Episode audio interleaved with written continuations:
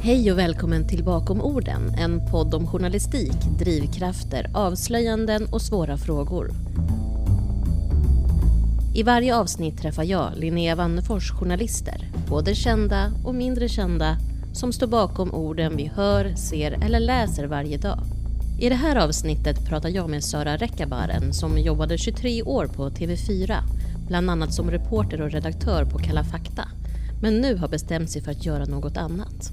Här pratar vi om hennes granskningar, flera av dem prisbelönta, och hur viktiga stora genomslag är. Vi pratar om att läget är dystert för journalistiken samtidigt som den behövs mer än någonsin. Dessutom tar vi upp det här med att beröras personligen av de människor man träffar och rapporterar om och om avvägningen att lämna sin journalistroll. Här kommer min intervju med Sara Rekabaren.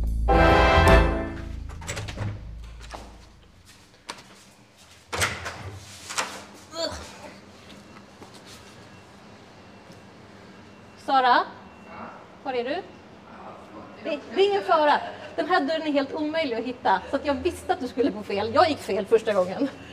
Hej! Välkommen! Kliv på! Sådär. Ja, du ska få en liten mygga av mig också. Ja. Um, tänkte du ska få den där då. Jag sätter mig här. Det. Uh, jag ska lyssna på lite hur det låter. Om du bara säger vad du heter. Jag heter Sara Rekabaren Ja, men det låter bra. och eh, ja, Vad bra. Och jag hörs också. Det är, bra. Det är bra grej också. Vad bra. Kul att se dig här. Vad Tack, kul att du ville vara med. Hur är läget idag? Jo men det är bra. Jag, jag har suttit och skrivit på min bok som kommer ut i februari och sen så har jag följt eh, nyhetsutvecklingen. Det var ju rätt dramatiskt. Några skolor i Täby. Ja, verkligen. Ja, det var otäckt. Ja, verkligen otäckt. Jag har också en son som går i, på en skola i Täby.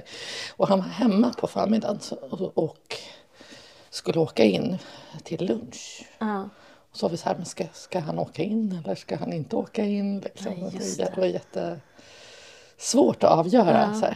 Men eh, till slut stannade han faktiskt hemma. han gjorde det. Det är väl lika bra. Mm. Ja. Att bege sig ut i någonting som man inte riktigt vet. Ja. Du är ju kanske starkast förknippad med Kalla fakta. Eh, Du har varit där länge, du är inte där längre. Men hur länge var du på Kalla fakta? Oj, jag var på TV4 totalt 23 år. Jag tror att 17 år, och 17 år av de här Mm. 23 åren var jag på Kalla fakta. I olika omgångar. Olika omgångar? Jaha, så du kom och gick, höll jag på att Mm. Säga. Det lät ju som att du bara dörrar. Nej, precis. Jag började faktiskt, eh, när jag började på TV4 så var det ett sommar, eh, sommarjobb på Kalla fakta. Mm. Där ser man. Precis när jag hade börjat på TV4 så, så var jag eh, på Kalla fakta en sommar och sen så var jag researcher på Nyhetsmorgon. Sen gick jag tillbaks till Kalla fakta, var reporter i några år.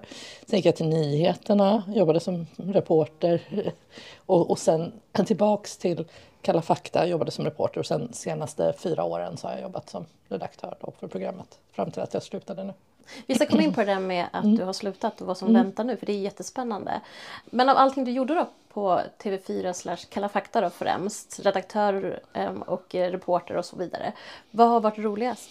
Eh, jobben menar du? Vilket Ja. jobb som har varit Ja, men roligast? vilken eller? roll kanske snarare? Vilken roll? Oj, vilken svår fråga. Det är, det är jättesvårt för att eh, det finns ju för och nackdelar med allt man gör. Men kanske att reporterrollen var roligare än redaktörsrollen ändå. Att vara med och ha ett finger i grytan på något sätt. Ja, lite närmare. Ja, jag förstår. Mm. Jag förstår. Om man tittar tillbaka, för det har ju blivit många gräv, det har blivit många granskningar. Ehm, finns det något så här gemensamt tillvägagångssätt så som du påbörjar jobben eller är alla jobben liksom olika, har olika förutsättningar redan från början? Jag eh, brukar eh, gå på min egen nyfikenhet. Alltså, och särskilt då när jag jobbade som reporter och skulle välja ämnen så, så valde jag ämnen utifrån det som jag själv var väldigt nyfiken Gräv där du står lite ja. grann som man brukar säga. Ja. Ja, ja, precis. Ifall det är ett ämne som bara, oj, det här, undrar hur, hur det ligger till här. Liksom. Och, eller man får ett tips och man blir jätteintresserad. Men finns det sen annars så här, typ att om du ska alltid börja, följ alltid pengarna, börja där. Eller är det alltid så här, nej men den här gången ska vi börja så här tror jag. Eller alltså, man får ta allting och känna efter lite hur mm. ämnet ter sig. Liksom. Ja, absolut. Och, och, särskilt eh, då i rollen som redaktör så är det ju viktigt att eh, bena ut okay, vilka tillvägagångssätt finns det här i det här fallet. Vad kan vi, hur kan vi ta oss fram och undersöka? Det kanske finns flera parallella spår och så vidare. Mm. För att nämna några så har det varit um, provvalsfusket inom Moderaterna 2010, mm. reportaget om Parken Zoo 2012 och sen 2015 vann du en Kristall för reportaget Slav i Sverige som handlade om exploateringen av EU-migranter. Varför tror du att du lyckas så bra med dina gräv och granskningar? Um, ja, alltså jag vet inte, jag skulle väl liksom inte... Jag tycker, jag tycker det blir så konstigt att säga att jag lyckas så bra. Det är som om andra inte lyckas lika bra. Okej, okay, men om man tänker så här då, för att det blir ju ändå en publicering. De undersökningar du gör leder ju ändå framåt till någonting som mm. kan redovisas. Ja, och, och det jag kan säga då det är ju att ja, de program som jag gjorde eh, har fått stort genomslag. Och jag tror att det beror mycket på just det att jag går in, när jag, när jag väljer ämnen så väljer jag ämnen som jag faktiskt genuint är väldigt intresserad av. För då har man också energin att lägga eh, tid på det för att man är nyfiken och, och intresserad. Men sen så kan det ju såklart eh, vara så att man har fel också. Men, men eh, att det inte blir liksom något som alla andra är intresserade av. Men, men för mig har det varit eh, någonting som varit viktigt. Att jag själv känner att jag, jag brinner för det här. Det här vill jag ta reda på. Det här vill jag granska. Men i rollen som reporter har man inte alltid den lyxen att man kan vara så att man kan välja och vraka eller att man får vara med och bestämma. Utan man kan bli ofta bli tilldelad någonting. Det här jobbet ska du göra. Mm. Hur förhåller du dig till det då? Ja, alltså i, eh, på Kalla fakta-redaktionen så jobbar man ju ofta under en väldigt lång period eh, med en granskning som reporter. Och där har vi faktiskt eh, eh, ändå... Eh, det är klart att en reporter kan inte göra vilket ämne som helst. Det kan ju vara inte hur smalt som helst. Men ofta så, så är det faktiskt ändå så att det är eh, rapporternas vilja som styr. Just bara för att man ska hålla på och granska och, och gräva i ett ämne i kanske ett halvår eller ett år eller liksom även tre månader, en lång tid. Då måste man ju vara intresserad av det. Det är svårt att göra det om man blir tilldelad ett ämne som man inte alls är intresserad av. Nej, just det. Man blir lite så långdistanslöpare på något mm. sätt. Men hur viktiga är eh, stora genomslag då? För det var du också inne på att dina mm. granskningar har fått. Jo, men det är, det, det är viktigt. Särskilt eh, på en granskande redaktion i en kommersiell kanal så har det varit viktigt både med stort genomslag och priser. Vilket av dina gräv har fått störst, störst genomslag, skulle du säga? Eh, oj, svårt faktiskt. Eh, för att eh, det beror lite på hur man ser det. Jag gjorde ett program om Parken Zoo som fick, eh, eh, och då var det över en miljon som tittade på programmet. Eh, medier i Sverige och utlandet rapporterade om det. Det var ju väldigt stort genomslag men, men jag fick inget pris för det programmet. Sen gjorde jag ju det här programmet om slav i Sverige. Jag vann Kristallen tillsammans med min kollega Phil Poisty. Så den fick ju stort genomslag kan man säga. Men även eh, programmet om gjorde ett program eh, som hette Pensionsbluffarna om Falcon Funds. Mm, just det. Just det. det ledde ju senare till att eh, Pensionsmyndigheten gjorde om hela systemet, började granska alla pensionsfonder och så blev det en eh, lång rättegång och flera av dem som vi granskade sitter ju inne nu. Mm. Så att, eh, ja, det, det, är ju också ett... Ett typ av genomslag, ja. precis. precis. Men är det viktigt att det får effekt i samhället på något sätt? Eller inte effekt, men kanske ett eko i samhället på något ja. sätt? Alltså som journalist så, så är det ju det, är ju det det ultimata bekräftelsen det är ju faktiskt att det leder till förändring, till, till att någonting förbättras. Det är ju, det är ju det är ett kvitto på att man har gjort något bra mycket mer eftersträvansvärt egentligen än ett pris. Ja. Vilket är du själv mest nöjd med då? Eh, det som jag ändå själv är mest nöjd med är nog programmet om eh, slav i Sverige. För det, det berörde mig verkligen på ett personligt plan på ett sätt. I och med att vi hjälpte en ung man som, som var slav i Sverige som kördes runt av en boss och fick tigga. Vi gick liksom lite över den här gränsen och, egentligen för vad man ska göra som journalist och, och eh, tog honom därifrån. Och, och, vi visste ju inte hur det hela skulle sluta, om det skulle bli ett bra slut för den här unga mannen. Men, men det blev det till slut. Och, så att det, det ändå mest stolt över. Den avvägningen, att våga som släppa sin yrkesroll lite och faktiskt gå in och bli medmänniska, mm. eller vad mm. man vill kalla det. Vad, berätta hur, hur, hur avvägningarna gick där, eller hur ni resonerade. Det var väldigt snabba beslut. Det var ingenting som vi hade planerat egentligen. Utan eh, eh, på den tiden så var det ju en stor debatt eh, kring, eh, det var många, helt plötsligt så var det ju många som tiggde utanför mataffärerna köpcentrumen och det var en stor debatt om de som var här, eh, var här frivilligt eller ifall de hade eh, kommit hit ehm, på grund av ligor och, så vidare. Och det var två läger eh, i den politiska debatten och vi bestämde oss för att undersöka det. Och eh, åkte runt och pratade med folk och frågade det. Och de allra flesta hade ju kommit hit på eget bevåg. Och det hade inte den här mannen, unga mannen gjort utan han berättade att han hade en boss som, som tog alla hans pengar och, och eh, kör, hade kört runt honom i, i, hela Europa. Och när han berättade om allt det här och hur han blev misshandlad, att han inte fick tillräckligt mat och, och så vidare så, så kände jag att men, han kan ju inte vara kvar här. Vi kan inte lämna honom och sen rapportera om det som han har berättat om. Det går ju inte. Utan då frågade jag ifall han ville följa med. Eh, så det var impulsivt. Verkligen. Men vad hände? Han tackade ja och ni hoppade in i bilen och åkte?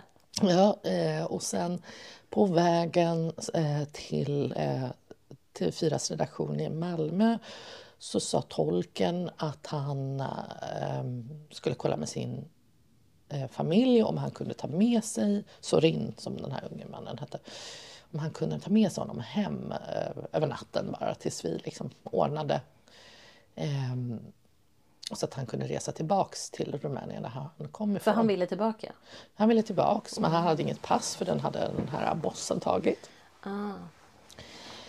Eh, ja, och, och sen så kom vi till TV4s lokaler och Eh, eh, pratade om hur vi skulle göra och kom överens om att tolken skulle åka eh, tillbaks med, eh, med eh, Sorin till Stockholm då, med tåg. Vi andra hade flyg och det kunde han ju inte ta eftersom att han inte hade några identitetshandlingar. Nej, och eh, sen så åkte vi hem, både jag och fotografen Phil Poisty och letade kläder liksom till honom. Han hade ju inga kläder eller någonting.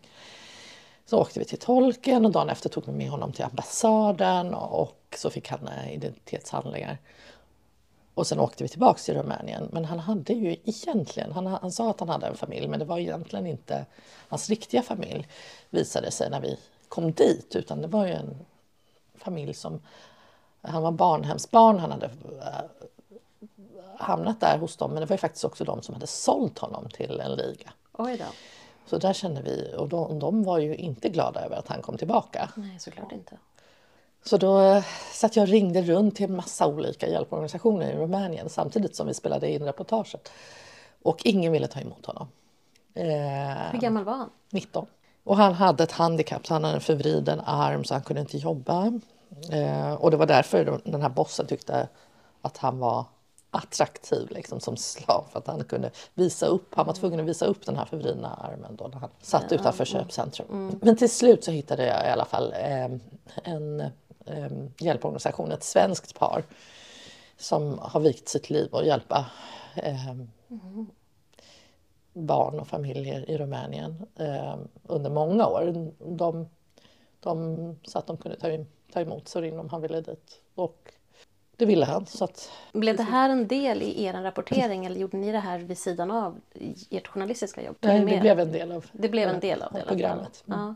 Fick du någon respons på just den delen då? Att ni gick över och bröt? När vi, först när vi, det här hände då, när vi tog med honom så var, så var vår chef, han var ganska upprörd. Han tyckte att vi hade gått över en gräns eh, och det förstår jag också att han tyckte. Men samtidigt så förklarade vi varför vi gjorde det, att det liksom inte fanns någon annan utväg där och då än att vara människa, en medmänniska och hjälpa den här mannen.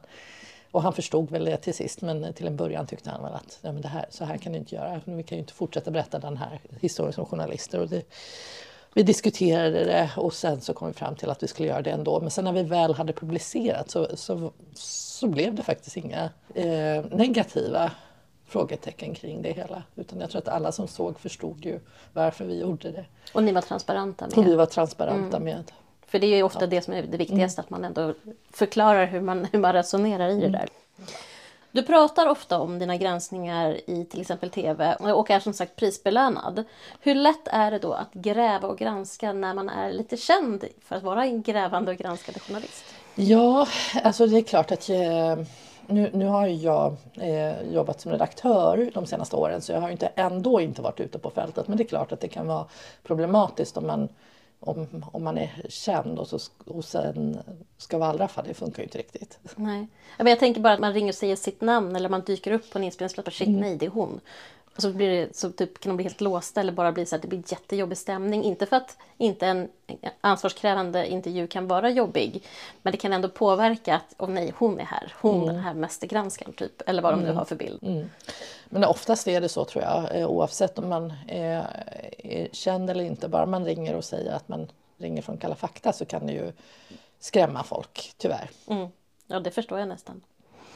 Eh, inför arbetet med den här podden så ställde jag frågor i olika grupper på sociala medier vad man tycker om journalistik och, och sådär.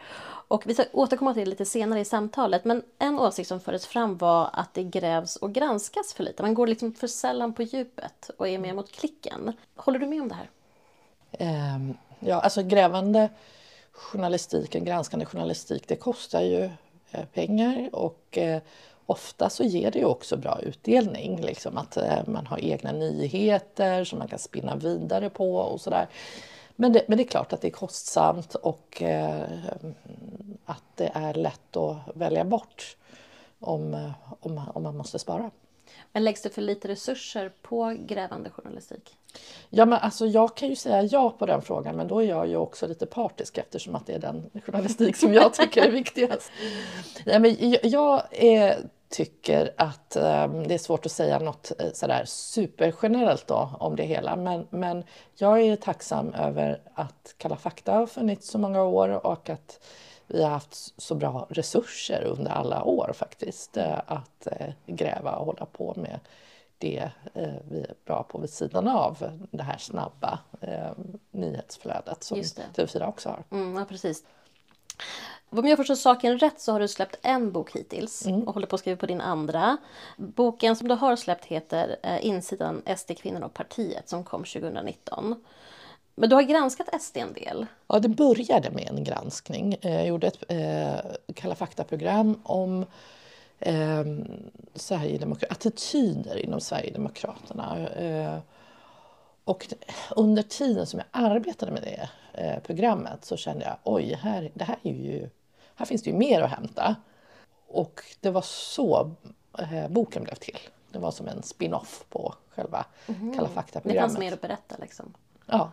Okej, okej. Vad har du fått för respons på den boken? Nu har det gått typ fyra år och en pandemi emellan liksom. Ja, Eh, nej men, när boken kom så fick den ju enormt genomslag i media och det var ju jättekul. Sen så eh, är, är det ju som många eh, andra böcker att eh, fler kunde ha läst den tycker jag. Ja, det tycker man alltid kanske. ja. ja. men um, boken du skriver på nu då, Irans döttrar en personlig berättelse om kampen för frihet i Iran. Den kommer ut i februari nästa år. Mm. Du sitter och skriver på den. Varför är det viktigt för dig att skriva om det? Ja, det, om det. det är för att eh, när oroligheterna i Iran kom igång hösten 2022, förra året, då, eh, i samband med Masahina Aminis död och, och eh, protesterna som blev då med Kvinna, liv, frihet-rörelsen så kände jag att det fanns ett behov av att sätta det i ett perspektiv. För att det som eh, hände då och fortfarande händer nu i Iran har ju en direkt koppling till eh, revolutionen i Iran eh, i slutet av 70-talet och eh, det regimskifte som skedde då. Och eh, jag kände att det fanns ett behov av att eh, sätta saker och ting i ett sammanhang så att folk ska förstå varför det, är, det sker nu, varför kvinnorna går ut och protesterar för, för sin frihet, varför det bor så många iranier i Sverige till exempel. Allt har att göra med det som hände 1979. Du har en bakgrund i, i landet. Ja, och precis. Och det var därför jag tänkte att jag skulle skriva om det. För att jag eh, är själv född och uppväxt i Iran och, eh, och eh, jag eh, i boken så berättar jag utifrån mitt eget perspektiv för, och också från min mammas perspektiv. För jag tänker att det alltid är lite lättare att ta till sig eh, när man läser. Om man har det personliga perspektivet. Ja, och hon kan ju också ge kanske bilden av hur det var innan, för du var ju ganska ung gissar jag. Ja, jag var väldigt ung då och hon, eh, min mamma hon jobbade just med eh, jämställdhetsfrågor. Hon jobbade med kvinnominister, eller jämställdhetsministern i Iran med, eh, med de här frågorna eh, på eh, kvinnoorganisationen i Iran. Och allt det som de jobbade för, det bara, det bara försvann efter revolutionen. Det var inte viktigt längre med jämställdhetsfrågor. Och, eh,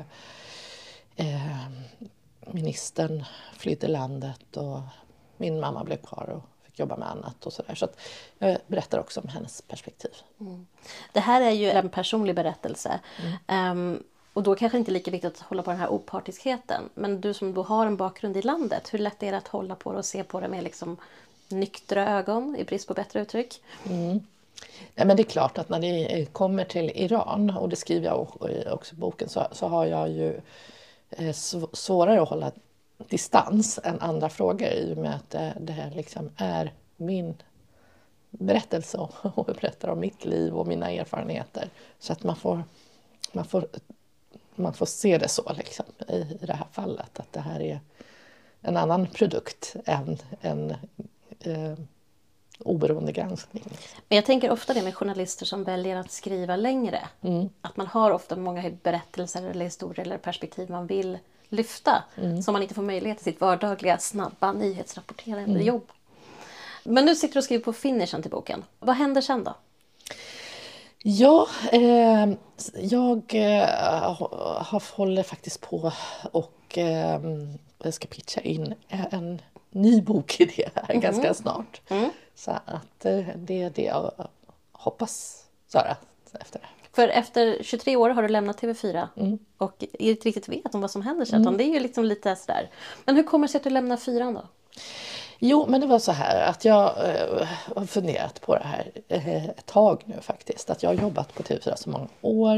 Det har varit jättekul, utvecklande och eh, jag har gjort olika saker och eh, eh, kanalen och utmaningarna har ju också ändrats under tiden med digitalisering och allt vad det är. Men eh, jag känner att jag har gjort det under ganska lång tid. Jag är 46 och hälften av mitt liv, alltså 23 år, har jag jobbat, hade jag jobbat. Ja, det blir verkligen halva. Ja. och så jag tänkte att ska jag liksom göra en förändring någon gång så är det nu när jag ändå ska skriva eh, den här boken. Det blir en bra mm. tid att göra något annat och samtidigt få lite tid att fundera över vad jag vill göra sen. Lite halvleksvila på något sätt mm. och så ta nya tag. Mm. Men vad är drömjobbet då? Oj, det är jättesvårt. Eh, jag, jag älskar ju journalistiken, jag älskar berättandet eh, i journalistiken. Så att, eh, det, det kommer jag ju fortsätta göra i någon form, hoppas jag. Vi pratade om din bakgrund i Iran. Mm. Du är född där och kom till Sverige när du var åtta. Mm. Hur var din uppväxt? När jag tänker tillbaks på min uppväxt, vilket jag har gjort ganska mycket nu när jag har suttit och skrivit den här boken, så tänker jag ibland att det känns som ett annat liv. För det skiljer sig så mycket från det liv som jag kom att leva sen då, efter flytten till Sverige. Och ändå är det bara fem timmars flygresa mellan Iran och eh, Sverige. Eh, I Iran så jag hade ju börjat skolan. Eh, jag jag hade precis börjat tredje klass. Och från och med att man börjar skolan som eh, flicka så måste man ju täcka håret och man måste eh, täcka kroppen. Så jag hade en stor kappa liksom som, och eh, täckte håret varje morgon. Gick till skolan. På skolgården stod vi på led och fick ropa ut slagord som död åt USA och sådana saker varje morgon. Vi fick lära oss Koranen utan till fast vi inte kunde arabiska. Det var, det var verkligen en helt annan värld. Och ganska tidigt fick jag också lära mig att eh, inte berätta om det liv vi levde hemma i skolan. Man liksom lärde sig att leva ett dubbelliv för det skulle ju vara väldigt farligt om det till exempel kom fram att vi lyssnade på musik hemma. För det var inte tillåtet? Nej. Mm. Så den största kontrasten när du kom till Sverige? Eh, största kontrasten när jag kom till Sverige eh, var ju ja, men såklart att liksom inte behöva täcka håret och kroppen och inte tänka så och, och på vad man sa. Att man, eh, men också att jag kom till en skola där tjejer och killar satt bredvid varandra i klassrummet. Jag var inte van vid det. Jag hade gått på en flickskola. Att du tänker på det nu när du skriver är kanske inte så konstigt. Mm. Men tänkte du på det även då när du upplevde det, så under tiden du upplevde det? Det gjorde jag, men kanske under en väldigt kort period. Som barn så infinner man sig ju i allt. Definitivt. Så att för mig var det ju helt normalt att eh, ja, när jag började skolan ska jag täcka håret, jag ska stå och ropa ut slagord som dödet och USA. Eh, det var ju Iran och Irakkriget också så att det, liksom, det var helt naturligt att det bombades på nätterna när vi låg och sov och, och, och, och sådär. Och sen när jag kom till Sverige så är det klart att det var liksom en helt annan värld och allt var väldigt lugnt, mm. kommer jag ihåg att jag tänkte. Mm. Att det kändes nästan som att allt gick i slow motion här mm. i Sverige. Men det kan jag nästan förstå, det är tyst och det, är liksom på ett, det rör sig i ett annat tempo. Ja. Och sen det här liksom att ja, det, det, det var både tjejer och killar i klassen och eh, var ju väldigt annorlunda. Men sen så, eh, så ja, som barn vill man ju bara smälta in och vara precis som alla andra och man anpassar sig och man lär sig språk ganska snabbt och sådär. Så det tog ändå inte så lång tid innan jag kände mig hemma även här. Men det är klart att det var en stor kontrast. För då åtta är man ju ändå ganska medveten. Man är inte barn riktigt, Nej. utan man är unge på något mm. sätt. Förstår du vad jag, skillnaden där? Journalistiken då? När kom mm. den in i ditt liv? Var det ett kall som det är för många eller växte det fram lite mer stegvis? Jag tror att det som... Eh, jag har alltid haft ett stort samhällsintresse och, och, kanske också på grund av min bakgrund i Iran när jag liksom väldigt tidigt blev medveten om liksom, eh, eh, förhållandena för landets kvinnor och hur, hur eh, samhället var uppbyggt där. Så att samhällsfrågor eh, har, har, har jag alltid varit intresserad av.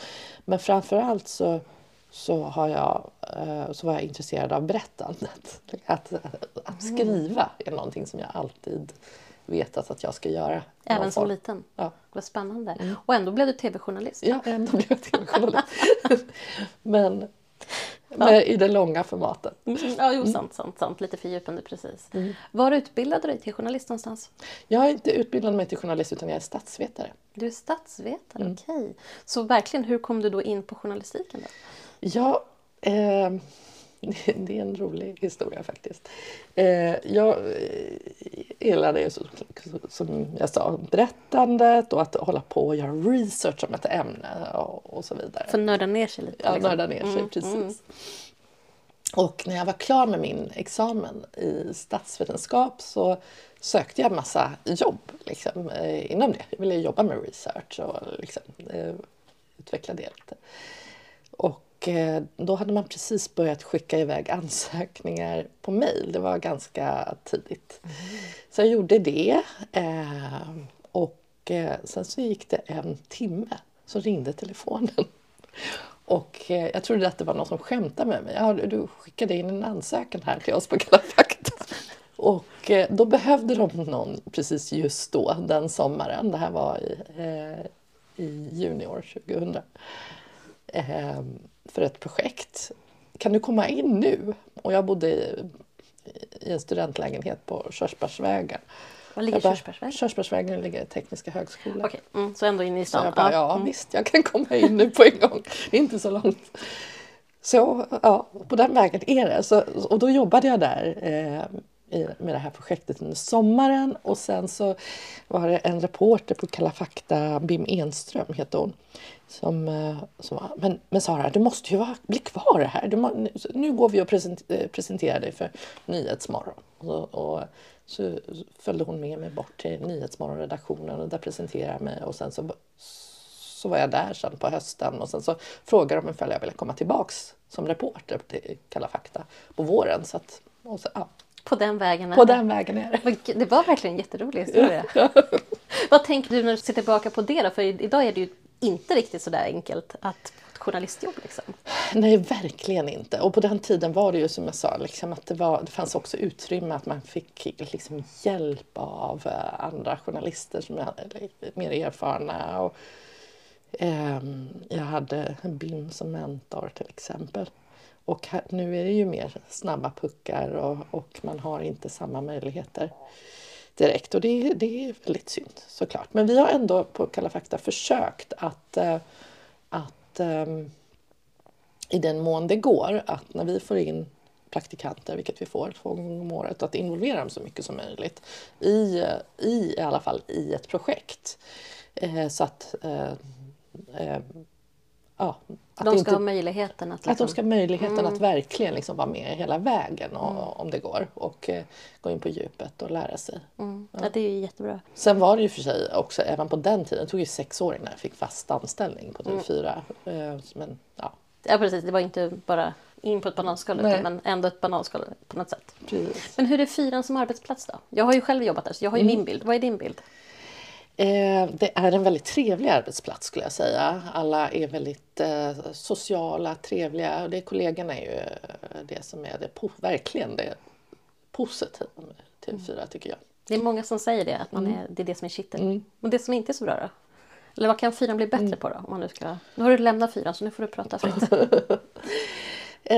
Det, det som TV4 kan bli bättre på eh, nej, men Det som jag eh, har tänkt på, eller som alla har tänkt på under många år, det är ju att TV4 måste bli bättre på det digitala. Liksom. Och nu är det ju verkligen viktigt att det digitala fungerar bra och att tjänsten är stadig och bra när, eh, i den här digitala världen. Ja, precis. Det känns väl som att det är därför de gör om mycket nu, för att komma åt det hållet. Liksom.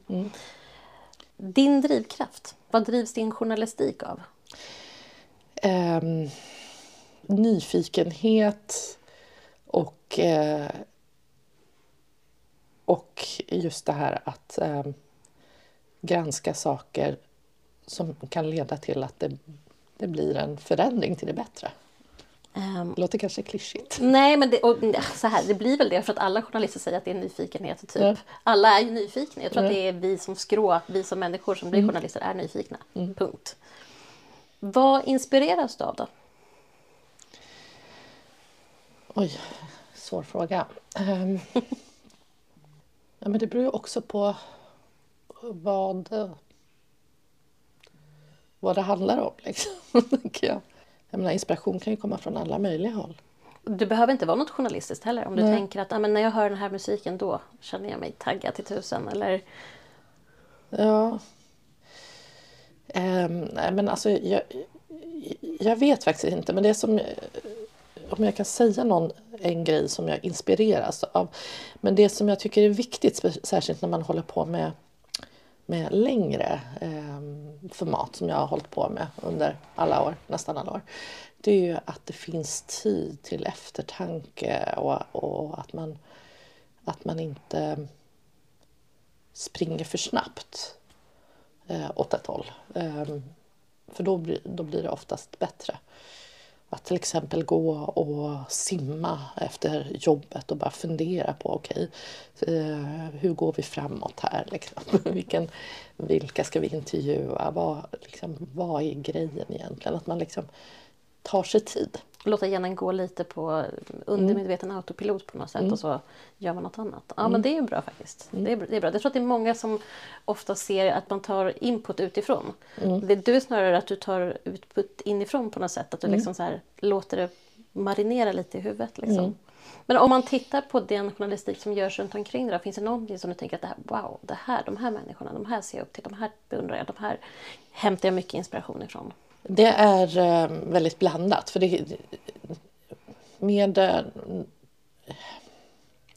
den nya digitala världen och alla liksom dokumentärer och sådär som man kan...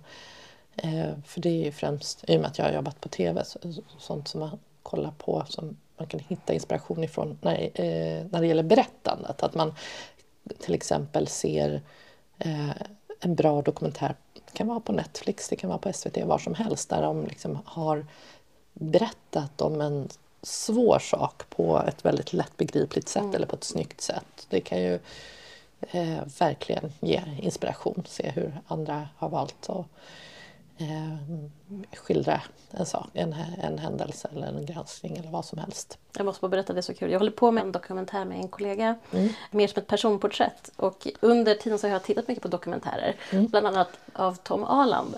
Eh, och jag märkte själv när jag började läsa in spikarna att jag gick in i någon typ av Tom Arland-röst. Och aha, nu, vet, nu gör vi dokumentärer.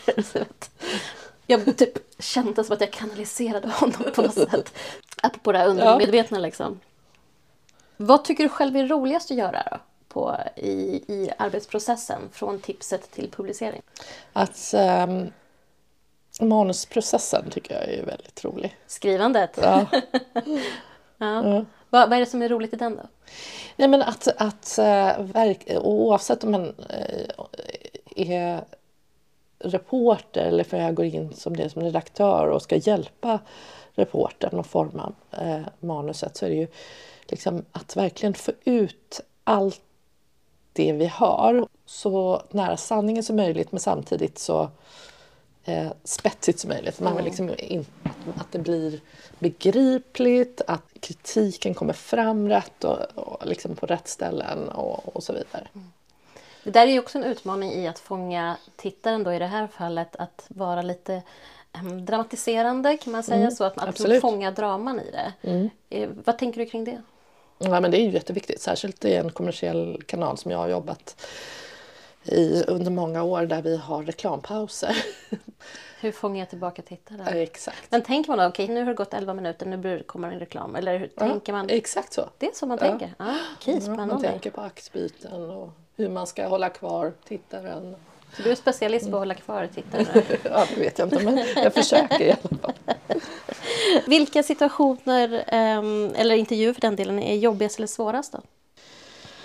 eh, ansvarsintervjuer kan ju vara utmanande men jag tycker de intervjuer som jag har gjort i mitt liv som har varit svårast har ju varit med folk som är drabbade av eh, väldigt svåra saker. Kommer ihåg till exempel efter tsunamikatastrofen så, så åkte jag runt och träffade överlevare som många av dem hade kommit hem utan sina familjer. Det var en av de svåraste sakerna jag gjort. Hur närmar man sig en sån känslig situation? Genom att vara mänsklig och respektfull. Egentligen som alla andra intervjuer. Men det, det är ju extra viktigt såklart när är, man har att göra med människor som befinner sig i en väldigt eh, djup kris och som kanske inte liksom själva heller kan eh, där och då ta ställning till vad de ska berätta och inte berätta och hur personliga de ska bli. Eh, och sådär. Just det. I situationer där det blir istället um, en jobbig, um, vad ska man säga, um, tryckt stämning, då, dålig stämning. Mm. För det är en sak att möta människor som är väldigt känslomässiga men också att möta någon som blir väldigt där, där, där stämningen bara blir dålig, man inte har flyt, man inte connectar, man, du vet, kemin kanske inte funkar. Hur tar du dig an det?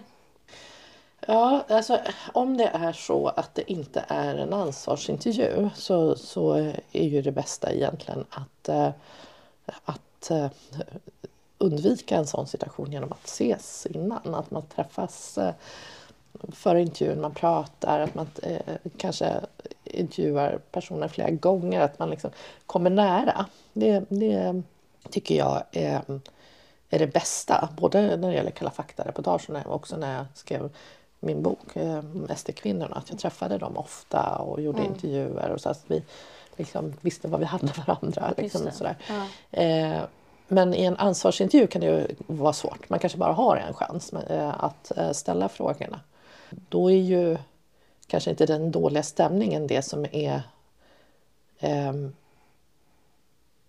det som är faran. Eller liksom för att den, jag bryr mig inte om det är dålig stämning men det viktiga är att det blir en bra intervju. Att, och, och, och, och att, äh, att det ska bli det, det bygger ju på att man har samma premiss om liksom vad, vad, vad missförhållandet är och att liksom personen går med på att svara på frågorna och inte duckar. Och det, det är klart att det kan vara otroligt eh, jobbigt och, och eh, svårt ifall man inte har det. Jag tänkte vi skulle prata lite om attityden till yrket och till journalistiken. Eh, vad tycker du om den journalistik som görs idag? Det görs ju väldigt mycket bra journalistik idag. Eh, och det märker man ju inte minst när man åker på konferenser och eh, verkligen får höra om ja, till exempel de nominerade som berättar och så vidare. För allt hinner man ju, det görs ju så mycket så man hinner ju inte ta del av allt. Nej, just Men, det. Och du åker mm. på en hel del sådana där, både gräv och den här internationella som var i Göteborg. Väl, Ja, jag var där. Fast jag var inte där så särskilt mycket tyvärr. För att precis just då fick jag eh, rycka in och göra en intervju som vi hade eh, väntat på väldigt länge. Mm. Eh, Kalla fakta-redaktionen med föräldrarna till Johan Flyderus som sitter i Irans fängelse. Ja. Och då så lämnade jag konferensen och efter det så jobbade vi med att få ut det här programmet ganska snabbt. Så då var det mycket tid som gick. Men absolut, under åren som jag har jobbat på TV4 har jag försökt att komma iväg på många konferenser, både grävkonferensen och internationella. Det kan ju också vara inspirerande, apropå att bli inspirerad av... Absolut, och, och, att få nya metoder och verktyg att arbeta med. Hur skulle du säga att läget är för journalistiken idag då? Just nu är det ju tyvärr lite dystert med alla besparingar eh, på flera, eh, flera ställen. Inte bara TV4 men också Definitivt, ja, Sveriges Radio, SVT och så vidare. Ja, ja visst, absolut. TT nu senast mm. också. Så att det, ja, precis. Och det, man blir lite så här, jaha, vad händer egentligen? Det var bräckligt nog som det var liksom innan, men mm. vad händer egentligen? Men eh, du tror inte att vi ser liksom på något sätt en utdöende art eller ras eller vad säger man, dinosauriernas utdöende på något sätt? Om vi tittar på journalistiken. Nej, det tror jag absolut inte. Journalistiken behövs ju mer än någonsin egentligen för att eh, sålla mellan allt som är sant och falskt i, liksom det här informationsflödet som ändå finns. Eh, så att den här pålitliga källan som journalisten ändå är tror jag att folk är beroende av. Och särskilt när det blir sådana här kriser som, som nu med, med krig och elände i världen så är ju, är ju journalistiken och, eh, superviktig. Mm. Jag nämnde tidigare den här um, undersökningen jag gjort på sociala medier. Den gick kortfattat mm. ut på att jag ställde frågor i olika grupper på sociala medier. Både de som tycker om journalistik och de som inte tycker mindre om journalistik. Och jag eh, hade gjort en eh, undersökning på jag vet inte, 30 frågor kanske det var och jag fick eh, nästan 700 svar. Mm. Och det handlade inte så mycket om att få statistiken, även fast jag skryter väldigt mycket om att det var 700 som svarade. Så var det väldigt intressant att få inputen, vad man tyckte. För det var väldigt mycket så här, okay, vad kan bli bättre, vad tycker mm. du? Och, så här. och bland de svaren jag fick så var det just det här med att, att journalistiken har gått för mycket mot klicken och det digitala och liksom lämnat sitt ursprungsuppdrag lite grann. Mm. Kan du förstå vad man menar med det? Mm. Ja, det kan jag väl förstå. Eh, att man kan tycka det. Samtidigt så görs det ju fortfarande mycket bra journalistik. Men det gäller liksom att eh, alla mediehus ser att det är viktigt med balansen. Att de egna granskande nyheterna eh, som är mer kostsamma att producera, att de, eh, att de är superviktiga för överlevnaden. Det blir ju en tyngd man har det. Ja men precis, verkligen ett avtryck man sätter och att mm. här kan man ju prata om att vara agendasättande på sätt och vis för att man, man för upp det som är viktigt på dagordningen. Mm. Samtidigt har ju det här med att agendadriven journalistik fått också en helt annan innebörd, det vill säga att man drivs av andras agendor eller en, mm. en o etisk agenda eller en otydlig agenda kanske till och med. Vad tänker du om, om den anklagelsen att eh, journalistiken är agendadriven? Nej, men där tänk, alltså det, det, är, det är ju så lätt också tycker jag att, att skylla på journalister. Att, det, att journalister är eh, liksom driver någons agenda eller, och så vidare. Men jag tror att det viktigaste för de allra flesta journalisterna oavsett vilken, vart man jobbar det är ju att vara så nära sanningen som möjligt. Ehm, oavsett om man jobbar med långa eh, eh gräv eller om man jobbar med snabba nyheter. Mm. Ja, för det finns en förtroendefråga det här med att förtroendet dalar. Eller det egentligen så känns det som att det går i vågor. Mm. När det händer saker i samhället så har förtroendet aldrig varit större och det märker man ju också på vilka som drar sig för att ta del av den rapporteringen som görs. Mm. Men sen kommer också perioder när det är kanske är lite mer stiltje ja. och förtroendet inte är så högt. Ja. Men kan man göra någonting för att påverka det eller är det bara naturen i det hela så som det ser ut idag tror du? Jag tror att det tyvärr bara är naturen som det ser ut idag. Att när det händer någonting stort i världen eller i Sverige, var som helst i vår omvärld, så blir det ju jätteviktigt eh, för många att, eh, att ha en pålitlig nyhetskälla där man kan hitta, hämta information. Ehm, och då blir eh, ja, efterfrågan efter bra journalistik större än när det är väldigt lugnt och alla har det bra. Men att man inte upplever journalistiken som neutral till exempel då? Mm. Är det ett problem egentligen? Jag tror att det allra viktigaste är att journalister inte blir ängsliga och försöker liksom anpassa eh, sitt arbete och sin journalistik eh, på grund av anklagelser om, om sådana saker. Utan att man liksom, oavsett vad man rapporterar om gör det så nära sanningen som möjligt. För jag tror att den stora faran det är ju för att man börjar lyssna för mycket på den typen av anklagelser. Men kan du förstå att anklagelserna kommer? Ja, det, ja, det kan jag förstå. Att, att, att folk har åsikter om journalistik, det är ju bara bra. Men eh, det behöver inte nödvändigtvis vara sant för, för att folk har åsikter. Men, och jag tror att eh, det viktigaste är att eh, att man gör sitt jobb journalistiskt och rapporterar så nära sanningen som möjligt och sen inte blir för ängslig eller rädd för vad folk ska säga och tycka. Och istället att man faktiskt liksom ser att det är positivt att det blir diskussion om journalistik. Det betyder ju att det är viktigt att folk bryr sig. Nu tillhör du inte en redaktion längre. Nej. Men pratade ni om sådana här saker på till exempel Kalla faktas redaktion eh, under dina år? Alltså hur gick diskussionerna på redaktionen? Eh, när det gäller liksom, eh, Men alla de här, ja, det bara allt det här från agendadriven journalistik till att den inte är neutral, vad tittarna... Alltså så här, för vi vet ju att förtroendet är skadat, eller naggat i kanten i alla fall. Alltså, vi mm. journalister känner ju till det, vi har ju hört det mm. förut. Liksom. Pratade man om det på något sätt liksom, hos, hos er?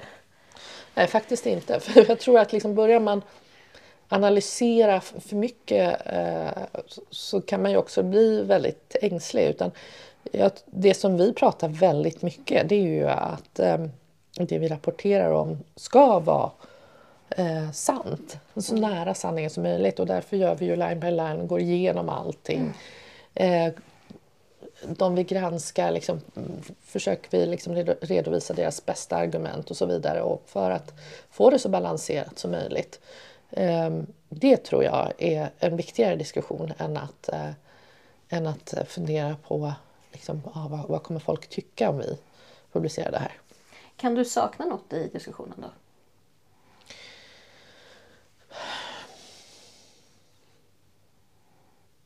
Nej. Um,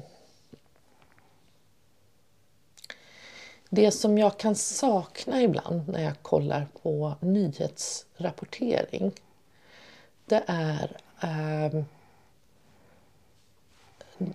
det är det här att liksom sätta saker i, i ett sammanhang, att stanna upp till exempel ifall det är en debatt. Att, att våga ehm, eh, gå in som journalist och bara vänta, vad sa du nu? Och vad, vad har du för... Alltså för, för ibland så, så, så, så, i nyhetsrapportering så kan det ju vara så att, att eh, saker, ehm, Eh, en, ett påstående bara eh, bara sägs omotsagd och att man då kanske har en en person från eh, ja, ett annat parti eller liksom en annan.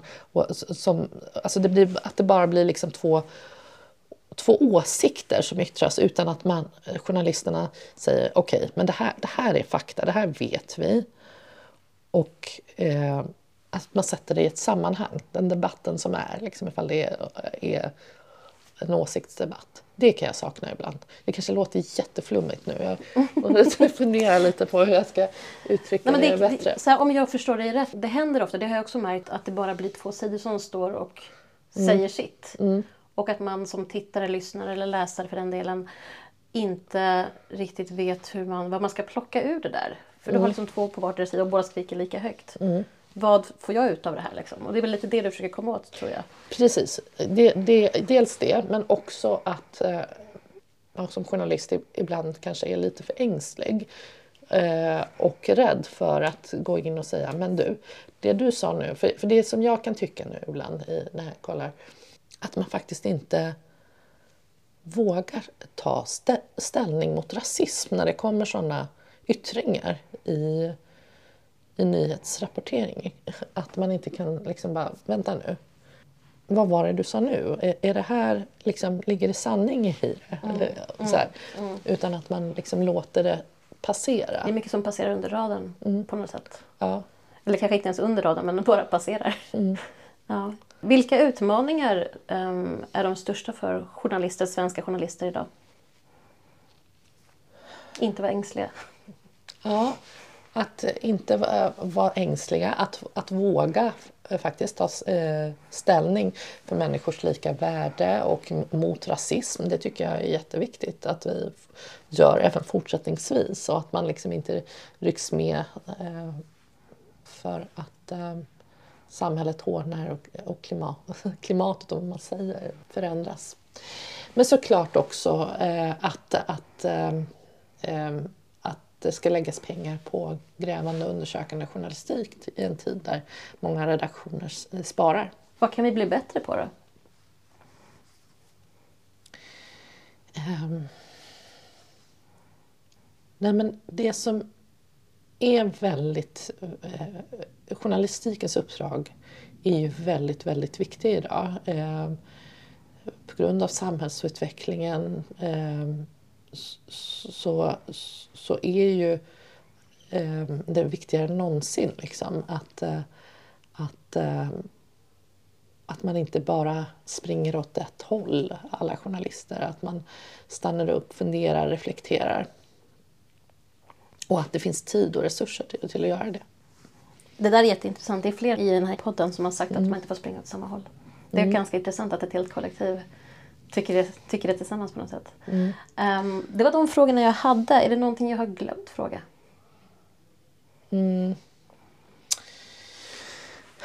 Nej, men jag, de här två sista, jag tyckte att det blev liksom lite, lite flummigt. Jag tänker så här, om jag skulle berätta utifrån så här exempel så kanske det blir mer intressant. Men det kan ju också bli för invecklat. Jag tänker så att, så att det inte blir så himla liksom, eh, internt eh, i förklaringen. Mm. Mm, jag förstår vad du menar. Nej, men för det blir, det blir liksom lite flummigt när man säger att alla springer åt ett håll eller att det liksom är lite för ängsligt, man vågar inte. Men om jag ger exempel på det så, mm. kanske, så kanske det är lättare att förstå. Absolut. Jag ska bara för jag, jag ska kolla lite bara. Så Absolut. Det var några grejer som jag tänkte på.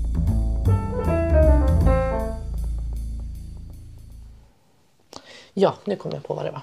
Yes. Ja. Nej, men det var till exempel en, eh, en debatt som jag reagerade på i Aktuellt för, för någon månad sedan kanske. Där, eh, där eh, Sverigedemokraternas Richard Jomshof var med och debatterade eh, i frågan om, om gängkriminaliteten och där han sa att eh, det här är ett importerat problem. Och det fick han liksom bara säga ut, uh, utan att konfronteras, konfronteras av eh, programledaren. Och jag förstår att det är svårt. Det går fort, det är en debatt och eh, det fanns också en representant från ett annat parti som skulle svara och sådär. Men sånt där tycker jag är farligt för det, för det är en, liksom... Det är ju ändå en... I, min, I mina öron så är det en rasistisk yttring att all gängkriminalitet är ett importerat problem. Eh, är det det? Eller är det så att de allra flesta av de här ungdomarna som faktiskt eh, rekryteras till gängen faktiskt är födda och uppväxta här? Mm.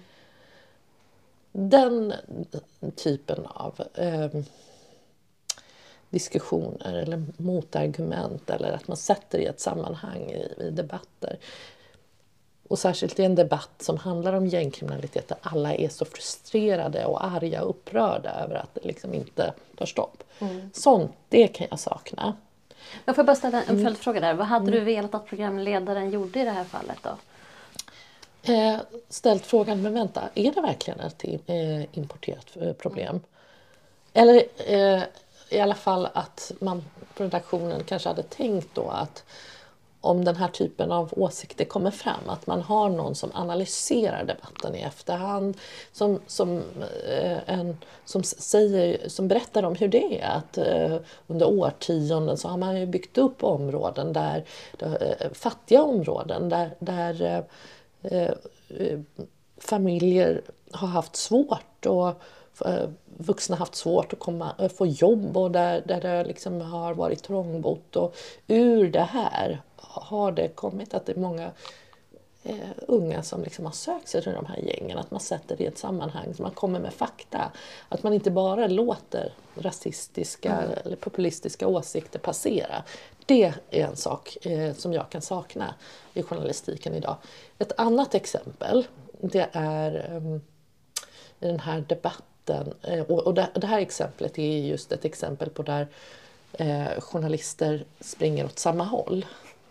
Mm. Är det okej? Okay? Ja, ja, ja, ja, absolut. Jag bara låg åt att du... Ja. Nu kommer det. Ja. nu kommer det. Ja.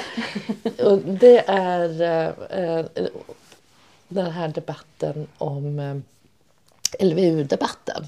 Jätteviktig debatt, jätteviktig diskussion. Eh, och såklart eh, så är det eh, helt felaktigt att eh, socialtjänsten i Sverige kidnappar barn. Det är klart att de inte gör det.